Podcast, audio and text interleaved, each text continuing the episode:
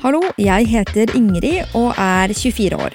Jeg har bare vært i én begravelse, jeg har aldri tatt en blodprøve, og i denne podkasten møter jeg mennesker som har møtt dødens brutalitet, i håp om at vi skal tørre å snakke mer om døden.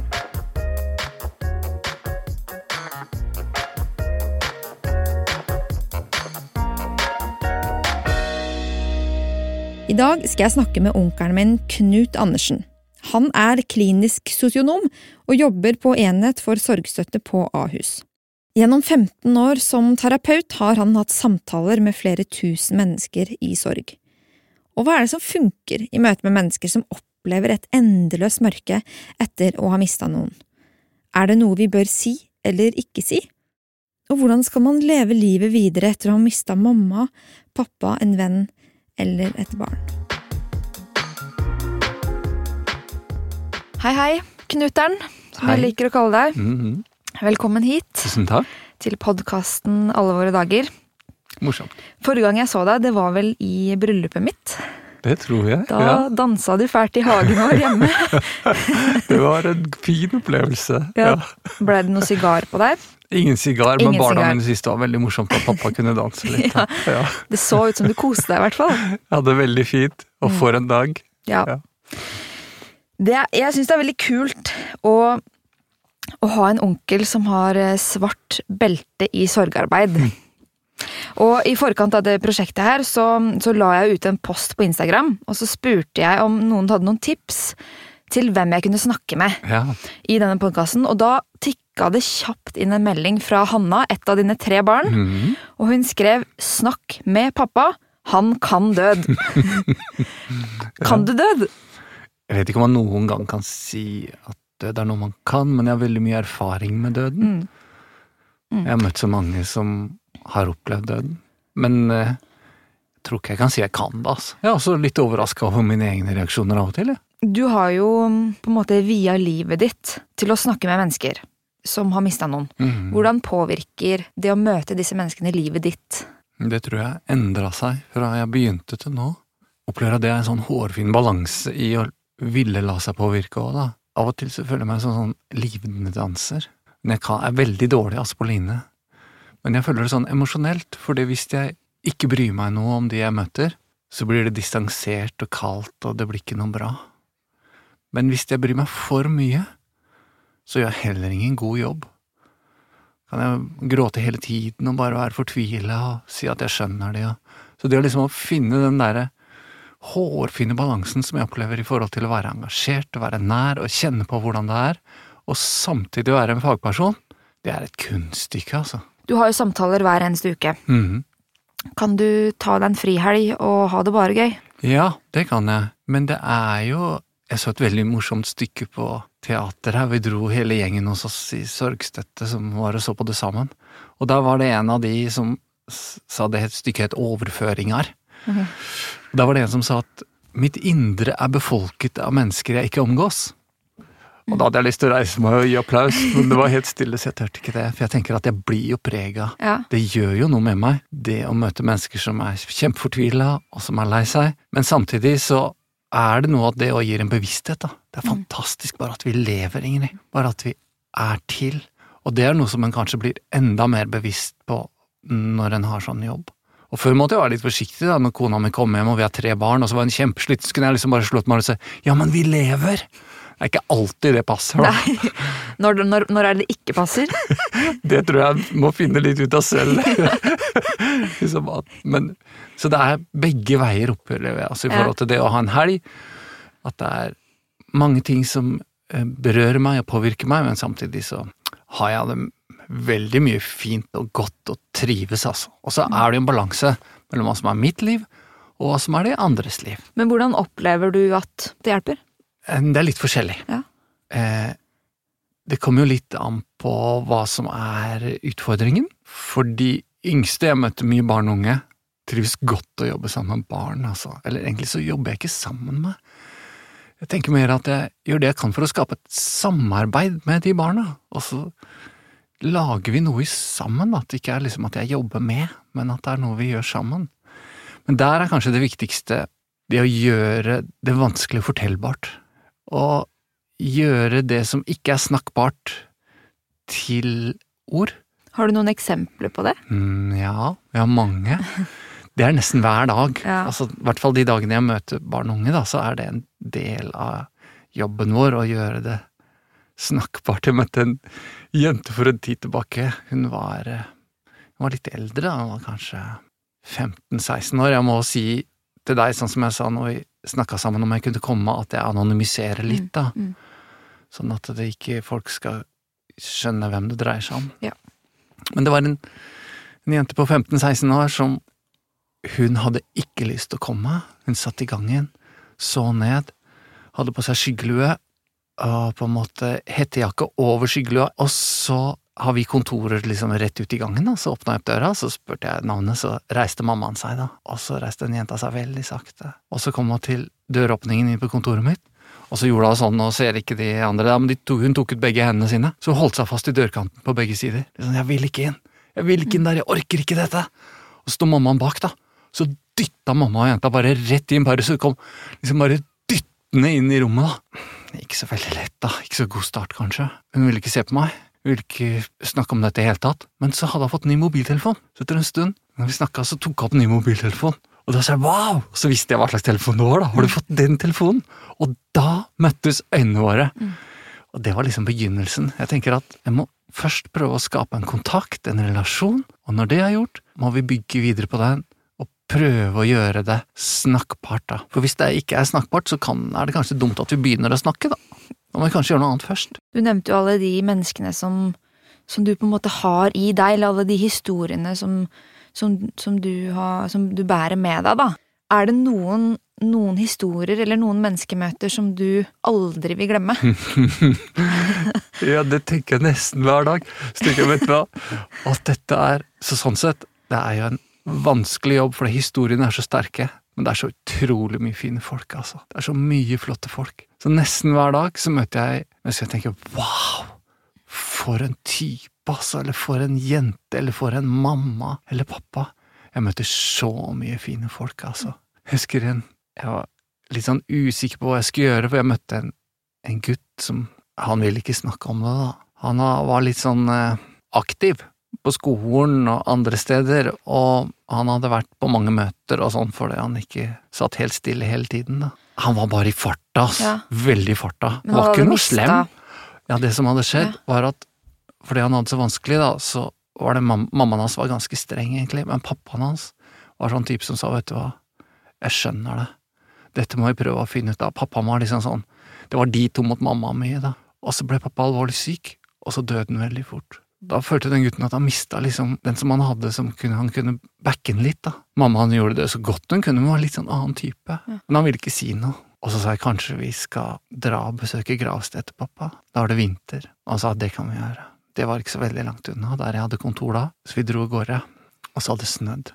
Og så vet jeg at mange får ikke sånn gravstein med en gang, de får ha bare sånn kors til å begynne med. Eller et annet måte å markere det på. Så når vi kom dit, så hadde det snødd så mye sånn at på det nye gravfeltet så var liksom alle de, de stedene der det var nye graver, da, som var liksom begravd seint på høsten og sånn, tidlig på vinteren. Alt var snødd, og alt var borte. Og så fant han ikke grava til pappaen sin, og han gravde med hendene og gråt og var så lei seg, og jeg gravde sammen med han, og vi prøvde liksom å finne den, og vi fant det til slutt, da, det korset med navnet til pappaen hans. Og det er liksom så, det er så voldsomt å, å se en gutt som er så desperat etter å grave etter pappa sin grav, og hikster og gråter, og i begynnelsen så var jeg liksom litt sånn fagperson som sto litt unna, men etter hvert så gravde jeg, jeg òg, altså. La meg på kne og gravde rundt, og vi fant det. Og det var begynnelsen, egentlig, til en veldig flott reise med den gutten. Har du noen gang opplevd at det du sier, kan forandre vedkommendes liv? Eller at det blir et vendepunkt? Ja, men også noen ganger det jeg ikke sier. Så det er jo å Når skal jeg bare holde munn, altså? Skal jeg være så flink og liksom være sånn fagperson? Når skal jeg bare lytte? Jeg tenker det er like mye å være stille når det trengs, og ikke si noe.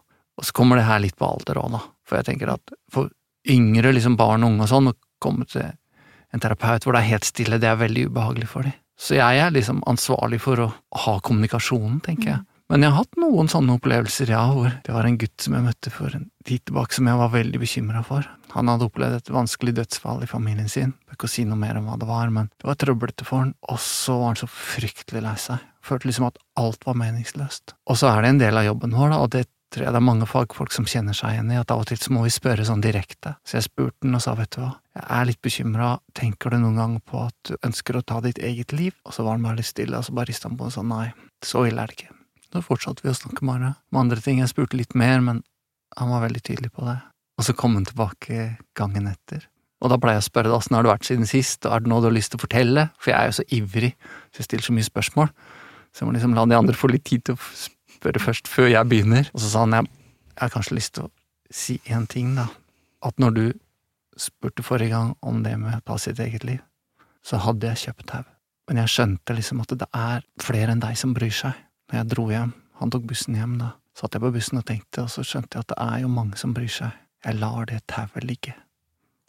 På en måte, jeg personlig har jo aldri opplevd å være i dyp sorg, slik som han gutten, eller mm. han du nevner, um, men jeg frykter nok at jeg vil bli en person som, hvis jeg eventuelt opplever sorg i livet, at jeg stenger meg inne, mm. stenger folk ute, mm. og sier at dette dette går bra, mm. selv om livet er mørkt, mm. og at jeg ikke tør å vise fram den elendigheten. Og du stilte, det spørsmålet du stilte han, det, det, det kan hende at han, det redda livet hans. Kanskje. Og selv om vi kanskje ikke opp, eller jeg kommer til å møte mennesker som, som har det så vondt, så kan, kan hende jeg kommer til å oppleve mennesker som likevel ikke tør å vise fram den elendigheten, og vise frem sorgen, eller være ærlig i møte med seg sjøl og andre. Hvordan mm. Hva skal man gjøre da, når man opplever mennesker som er i sorg, mm. men som later som om det Alt går bra? Alt er ok? Ja. Du vet at jeg liker litt å fiske med flue. Jeg er elendig fluefisker, altså. Jeg har nesten flere timer i hagen og i bakgård og sånn, men nei, jeg begynner å få noen timer på vannet nå. Men det jeg synes det er veldig morsomt. Og når du fisker med flue, så er det liksom om å gjøre å holde den flua i lufta en stund, og så det, det heter å presentere flua, at liksom skal, flua skal legge seg mm. pent ut på vannet. Liksom si vær så god, her er den. Jeg sammenligner av og til det å møte mennesker som ikke vil si noe som å fiske med flue. For det er liksom å gi et signal og si at vet du hva, jeg er her. Um, biter du på nå?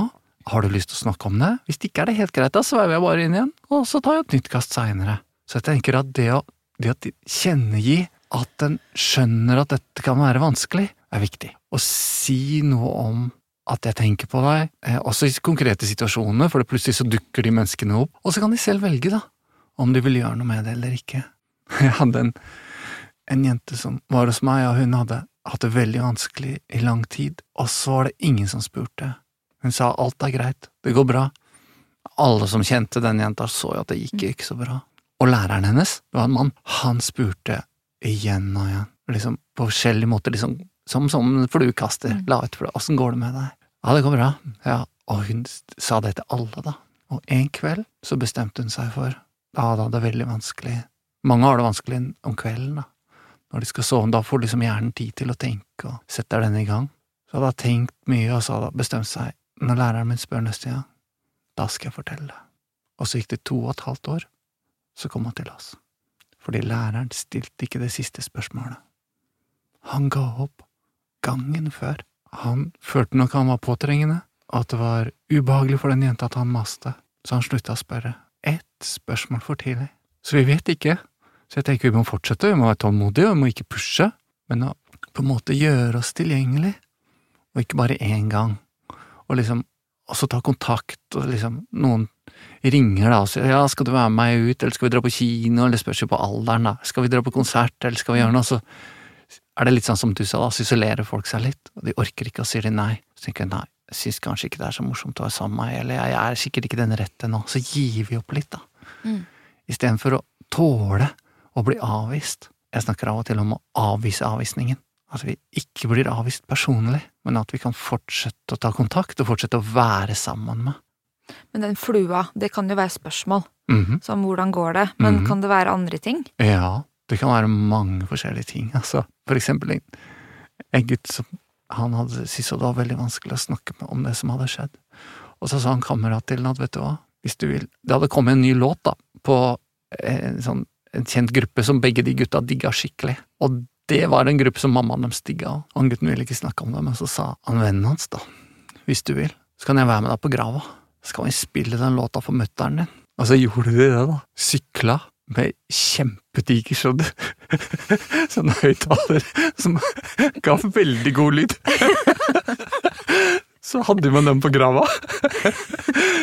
Det var en lørdag, og de spilte noe så grådig høyt, i hvert fall når gutten forklarte det. Og så sa de ikke så mye mer. Så etter det så sykla de hjem igjen. En familie som jeg kjenner, der var den som var død, den var så veldig glad i en matrett. Og da er det sånn at noen andre som kjenner den familien veldig godt, av og til så inviterer de på middag, og gjett hva de spiser. De spiser den matretten. Og de behøver ikke si noe. Alle vet det. de Behøver ikke mase så mye. Og alle vet hvorfor de har servert den matretten. Jeg tenker det er veldig mange måter å gjøre det på, altså. Som ikke bare er snakk og ord. En annen familie som jeg møtte der, en, mammaen var så sliten, og så hadde hun sagt til naboen at åh, det er så slitsomt å stresse med mat og sånn. Og da fant den naboen ut at vet du hva, jeg kommer med mat til deg hver tirsdag, da slutter jeg tidlig. Da lager jeg dobbeltporsjon, så får du og hele familien din. Og den første dagen hvor den store gryta sto på trappa, det var veldig sterkt, både for mammaen og for de to barna hennes.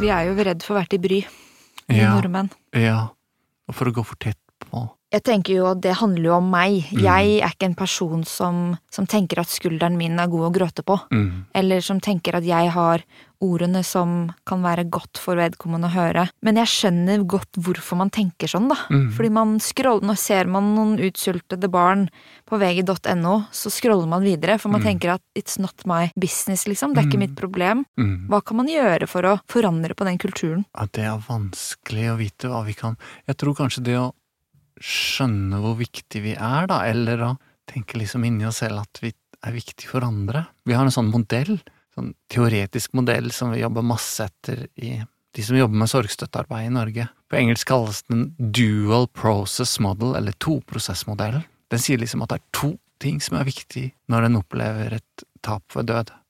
Det ene, det er å snakke sant om livet. Sant om det som er vanskelig. Den andre prosessen, den kaller disse teoretikerne, de er hollendere. De kaller det for restoration oriented, eller gjenopprettelsesorientert, eller kanskje enda bedre på norsk, det nye livet uten. Så sier de at det er veldig viktig å pendle mellom disse to prosessene, og sånn sett så er det et godt sorgstøttearbeid å ta med noen på fotballkamp, eller dra på kino, eller bare dra på sykkeltur, eller å spise et godt måltid. Så jeg tenker at vi må kanskje utvide litt hva vi tenker, for vi tenker liksom vi må være så flinke, og vi må snakke så mye om det. Jeg er blitt mye flinkere til å ja, jeg har det, Du sier si at jeg ikke vet, altså. At jeg er usikker når jeg møter andre. Skulle tro at når jeg har jobba med deg så lenge, så er jeg skikkelig sikker. Jeg er skikkelig svett i hendene av og til ennå, altså. Når jeg møter folk, kan kjenne liksom at jeg er klam i hendene mine. Men da kan jeg si det, at vet du hva, dette her skjønner jeg er vanskelig for deg, altså. Og jeg vet ikke helt hvordan vi skal gjøre det, men jeg Og så kan jeg være ærlig på det, da, istedenfor å være så flink og alltid vite hva jeg skal gjøre. Så det å si til noen at jeg vet ikke hva jeg skal si engang, men jeg har lyst til å være sammen med deg, kan vi gjøre noe sammen? Eller jeg vet ikke hva jeg skal gjøre, men jeg skjønner at dette er veldig vanskelig. Bør vi droppe kondolerer? Jeg har liksom aldri, jeg har ikke Hmm. skjønt Hva betyr det ordet? Hvor kommer det fra? Jeg vet ikke om vi bør droppe det, vi må kanskje heller lære hva det betyr. Vi kan droppe det hvis vi vil, da. Kondolerer er jo egentlig latinsk, og det blir brukt i veldig mange land i hele verden. Så vi er ikke alene om det. Det er liksom et sånn internasjonalt ord. Og så er det satt sammen av, av to forskjellige ord, da. På en måte det er det ordet dolere, som betyr det å ha det vondt eller å føle smerte. Og så har det con, som betyr sammen. Så kondolere betyr egentlig det at, at jeg skjønner at du har det vondt. Det betyr at jeg har det vondt sammen med deg. Hvorfor sier man ikke heller det? Det kan man godt gjøre. Men det gjør vi jo ikke. Nei, vi gjør ikke det, og jeg tror noen bare sier kondolere, men det er noen som gjør det, da. Og det er noen som forteller meg etter begravelse, så er det mange som kommer og sier at jeg vet ikke hva jeg skulle si, kan si nå, men eller dette var det verste som kunne, jeg skjønner at dette er veldig vanskelig for deg, det er helt forferdelig det som har skjedd, eller Så det er mange måter å si det på. Men hvis man er den som er i sorg Jeg kan jo ikke snakke for noen andre enn meg sjøl, og jeg har jo ikke opplevd den, på en måte den sorgen som vi snakker om nå, da, den, den, eh, den bunnløse, dype, mørke sorgen som forandrer livet. Mhm. Så jeg frykter jo ikke døden, men jeg frykter sorgen. Mm. Fordi at den, den har man ikke kontroll på, og den, den har på en måte en makt over deg, da. Mm. Og den forandrer livet ditt. Ja. Er det sånn at jeg bør Hva, hva bør jeg gjøre, på en måte, for å, for å heles som menneske? Mm. Og, Hvis du opplever veldig sterk sorg? Ja. ja. Jeg tenker at denne modellen disse to hollanderne lagde, er glitrende. Den sier liksom mye om at det er mer enn én ting, da. Noen sier at tiden leger alle sår, og noen ganger tror jeg det kan stemme til en viss grad. Andre ganger er det ikke sant i det hele tatt. Det er bare tull, altså. Det er nesten som uh, Gokstadskipet. Du graver det opp etter så lang tid, og så er det like mye, masse detaljer, og nesten like fint. Så jeg opplever at noen som kommer til meg, tiden har ikke gjort noen ting. Tiden er på en måte ikke noe hjelp i det. Fordi en tør ikke å snakke om det, en tør ikke å gå inn i det som er vanskelig, og snakke sant om livet og det som er. Jeg mener ikke at en skal brette ut alt og liksom, men jeg tror det må skje en eller annen prosess. Ikke sikkert jeg må snakke engang, altså. Noen menn de jobber og hogger ved og bygger boder og garasjer og Ja, du skal vite alle de historiene jeg har hatt, for det har vært litt sånn fortvila mellom mann og kone, da. For menn kanskje mer enn kvinner, de, de har kanskje mer sånn utøvende måte å møte den derre det vanskelige sorgen, at de må gjøre noe. Trener eller ja, jobber eller et eller annet. Det er damer som gjør det òg, altså. Det er ikke bare menn. Men jeg tenker det på en eller annen måte å bearbeide dødsfallet, og si, eller bør ikke si, men å gjøre noe med det inni seg, sånn at det ikke bare blir en sånn hermetisk ting som bare blir lukka, det tror jeg er viktig. Og så på den andre siden, så er det det å kjempe for å utvide livet sitt, altså. Det blir jo veldig snevert etter et dødsfall. Du orker jo ikke så mye. Nei. Noen jubler liksom når de har fått åpna all posten og sier vet du hva, jeg har to mål i den dagen her, det er at jeg skal gå til postkassa, jeg skal åpne posten min, og er det noen regninger, skal jeg betale den. Ferdig. Ja. Da er de fornøyd til å begynne med. Så verden er jo ganske liten for mange til å begynne med, og så utvidelsen sakte, men sikkert. Så det er to ting. Det er å på en måte gå inn i det som er vanskelig på den ene siden, og så er det å gjøre helt andre ting, hvor en holder seg langt unna det som skjedde på den andre siden. Ingen kan, kan definere eller sette ord på en, på en annen sorg, men jeg vil jo si at det er jo forskjell på å møte et menneske som har mista sin, sin gamle mor, eller et foreldrepar som har mista et barn i en ulykke. Mhm. Hvordan ta, ta hensyn på en måte til de ulike Altså, de ulike, den ulike sorgen, da. Som, Mhm. Fordi den ene vil jeg jo kanskje tenke at er mer ekstrem. Mhm. Å miste et barn er jo det vanskeligste man kan oppleve. Mhm. Eller hvordan, hvordan skal, skal jeg på en måte forholde meg til det? Mm. Det er et veldig interessant spørsmål, tenker jeg, Ingrid, for det er vanskelig. For det, det verste du har opplevd, er det verste du har opplevd. Og vi rundt kan ikke definere det, da. Sånn at noen som opplever dødsfall, de blir veldig provosert. For de andre sier at 'jeg vet akkurat åssen du har det', 'katten min døde', eller Ja. 'marsvinet', eller hva Ja. det er, nå enn er.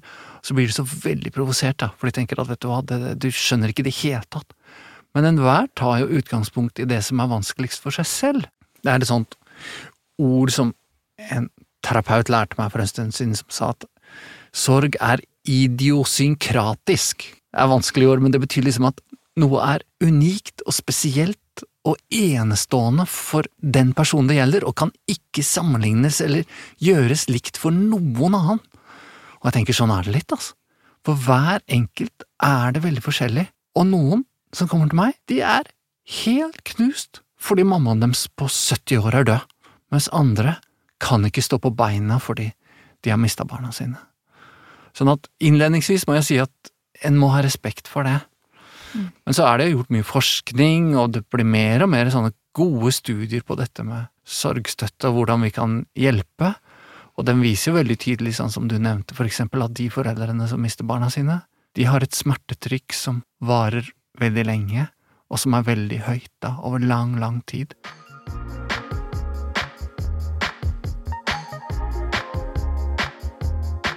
Døden passer jo ikke inn i vårt bilde av Altså, vi skal jo være lykkelige. Vi, Ja. vil, vi skal vi ha et godt liv, vi skal mm. gjøre alt vi kan for å optimalisere våre liv. Mm. Og døden er på en måte ikke en del av vår, vår eh, hverdagslige samtaler, da. Nei. Hvordan kan man snakke om døden på en helt vanlig måte? Mm. Jeg vet ikke om døden noen gang har passa inn, Ingrid. I Norge eller generelt? generelt. Noe av de første tekstene vi har på innsiden av de store pyramidene, eh, så er det pyramidetekstene. Det er det noe første liksom, vi har greid å tyde. Det er tekster som sier og beskriver hvordan vi skal forholde oss når noen dør. Så dette har opptatt mennesker fra tidenes morgen. Og jeg tror at det å miste noen i dag er vanskelig, men det har alltid vært vanskelig. Det som er forskjellen, er kanskje at det er heldigvis færre som dør i dag. Jeg møtte en pappa nå. Han mista et av barna sine i en alvorlig hendelse, og så sa han, vet du hva, jeg bestemte meg en gang, jeg skal lage kista sjøl. Han drev på, altså, natt og dag, i kjelleren, og lagde kiste sjøl. Du skulle sett den kista du henger i, den var så fin, altså. Så jeg tenker noe med at, og det er ikke så mange som gjør det, da, jeg har ikke møtt så mange som lager kiste, men jeg tenker at det er kanskje flere og flere som tør å se. Eh, det, også i fagmiljøene så er det mer og mer sånn et forsiktig en forsiktig sånn backing, at barn og unge skal få se den som er død, at vi skal snakke om den som er død, og eh, hvilken vei liksom disse samfunnstrendene går, det vet jeg ikke helt, altså. Syns du jeg skravler fælt? Nei, nei. Dette er, jeg er nerdete opptatt av det her. Derfor jeg spør. Nerd. Fordi sånn som I England, for eksempel, da, der har de noe som de kaller death cafés. Der, Cafés. Cafés. Cafés. Ja. Hvor, de, hvor de på en måte samles og snakker om døden. Mm. Det er så vidt begynt i Norge òg.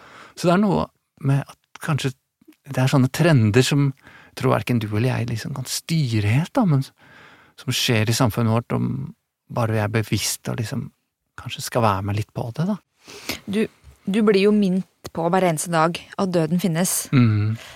Er du redd for å dø? Jeg tror ikke det. Jeg tenker på det mange ganger.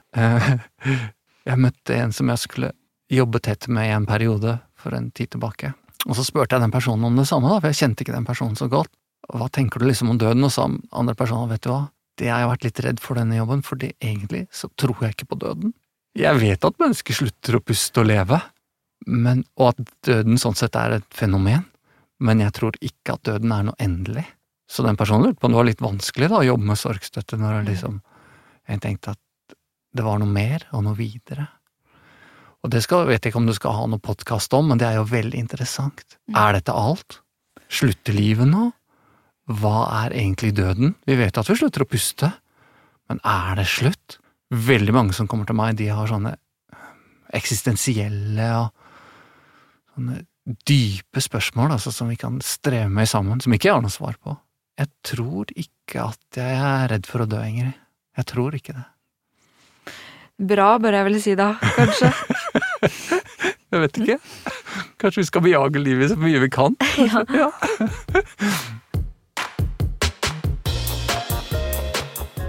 Takk for at du hører på Alle våre dager. Neste episode kommer neste torsdag. Da møter jeg Andreas, som har tatt livet av et annet menneske. Hvordan lever man videre etter å ha drept noen? Denne episoden er laget av Ingrid Vatnar Eikje for Menneskeverd.